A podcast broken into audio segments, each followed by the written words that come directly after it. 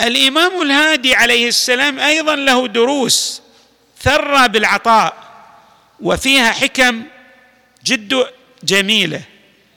من هذه الحكم التي وردت عن إمامنا الهادي عليه السلام قوله لو سلك الناس واديا وسيعا لسلكت وادي رجل عبد الله وحده خالصا الإمام ها هنا يفصح لنا عن معنى دقيق أن الناس دائما في هذه الدنيا مع الأكثرية. وكما نعبر أكثر الناس يتبعون هذه ما يمثل الغوغاء العامة أو الناس الذين لديهم المال لديهم النفوذ لديهم الجاه ويتناسون المبادئ والقيم. الإمام عليه السلام يبلور لنا معنى دقيق بأن ميزان الاتباع هو أن يكون المتبع الذي تسير على هديه وتتبع خطاه أن يكون من عباد الله الصالحين. أن يكون مخلصا في توجهاته. فهذا هو القمن بالاتباع والحري بالسير على خطاه. أما إذا كان هناك فئام من الناس يسيرون ولديهم النفوذ والثروة والجاه والإعلام فيظن بعض الناس بأن هذا هو الميزان. والاتباع لهؤلاء الناس لإمكانياتهم الضخمة هو الحري بالاتباع لأنه يحقق المصالح للإنسان. تلك المصالح هي مصالح في الحياة الدنيا فقط وقد لا تتم في بعض الأحيان. بمعنى قد تتبع هؤلاء الناس الذين لا دين لهم وتبيع المبادئ عليهم في سبيل الحصول على دراهم معدودة. غير أنك ستفقد أيضا دينك قبل دنياك وقد يؤدي ذلك إلى فقد الدين والدنيا معا. ولهذا جاءت بعض الروايات التي تشير إلى أن الكثير من الناس يبيع دنياه أيضا. في سبيل تثبيت دنيا غيره يعني يبيع الدين والدنيا في سبيل التدعيم لدنيا غيره والعياذ بالله. الإمام عليه السلام يطبق ذلك على نفسه وهو الذي يجسد ميزانا من موازين الحق. يقول لو سلك الناس واديا وسيعا والتعبير بالوسيعة هنا للدلالة على كثرة من سار في هذا الوادي. لسلكت وادي رجل عبد الله وحده خالصا يعني يسير على طبق المبادئ وهو أيضا يجسد الإخلاص في مساره.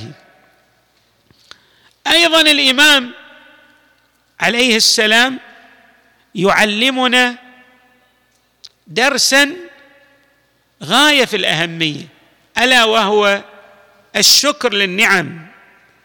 الإنسان حري به أن يكون شاكرا أن يكون شاكرا لأنعم الله. يعني طبعا الشكر كثير من الناس لا يفهم المعنى الدقيق للشكر. يتصور أن الشكر هو لقلقة اللسان. الشكر هو أن تستخدم هذه النعم التي يسديها الحق تبارك وتعالى عليك وإليك في طريق الخير. الله قد يرزقك المال الكثير والعلم الكثير والأولاد والذرية الكثيرة والجاه قد يجمع لك كل النعم كما كانت لبعض أنبياء الله داود وسليمان. وقد ذكر ذلك القرآن عنهما اعملوا آل داود شكرا. أي أن الشكر لابد أن يتجسد في الخطوات العملية. الإمام الهادي عليه السلام يقول القوا النعم بحسن مجاورتها والتمسوا الزيادة فيها بالشكر بالشكر عليها. اذا إذا أردنا أن نزداد في هذه العطايا والمنح والنعم التي يغدقها الله علينا ويؤتينا إياها حري بنا أن نلتفت إلى الشكر. عندك أموال؟ ابذل ولو البعض من أموالك. عندك جاه؟ ابذل البعض من جاهك. في حلحلة المشاكل التي يحتاج الناس إلى حلحلة فيها بجاهك. وهكذا. عندك علم ابذل هذا العلم في تعليم الناس. جميع مالك عندك أمرا من الأمور اخدم به غيرك. أنا في الحقيقة عندما أذهب في بعض الأحايين إلى بعض المستشفيات وأرى بعض من يشتغل في القطاع الصحي وهو يركض في خدمة الناس أغبطه كثيرا. أقول يا الله كم أنعمت على هذا العبد من النعم الكبيرة؟ ولكن من أعظم النعم أنك أنعمت عليه نعمة الشكر بمعنى سخرته أن يكون في هذه الوظيفة التي هو فيها في هذه أيضا في هذا العلم إذا كان طبيبا أو ممرضا أو أيضا مسؤول في القطاع الصحي. تراه يبذل قصارى الجهد في خدمته للعباد. ولا يبذل ذلك أيضا لفئة من الناس مثلا لفئة المتمكنين والأغنياء. ترى لكل الناس من يعرفه ومن لا يعرفه.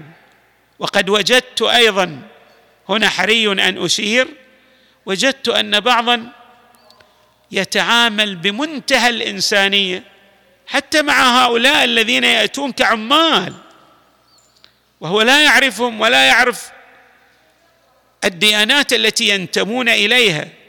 ولكن من خلال هذه الوظيفة أو هذه العطية والمنحة التي أعطاه الله إياها بمعنى أنه حصل على جانب علمي مثلا في طبه ترى لا يدخر وسعا في خدمته للعباد بشكل عام بغض النظر عن انتمائهم إلى الديانة الإسلامية. كما قلت هم أيضا تراهم مثلا من الهنود والبنغاليين وهو لا يعرف دياناتهم ولكنه يبذل قصارى الجهد من أجل خدمتهم. وهذا يدلل على أنه استخدم وظيفته وعلمه أو ما يتمكن عليه من قدرات ومهارات في الشكر لله تبارك وتعالى لأنه سخر تلك النعم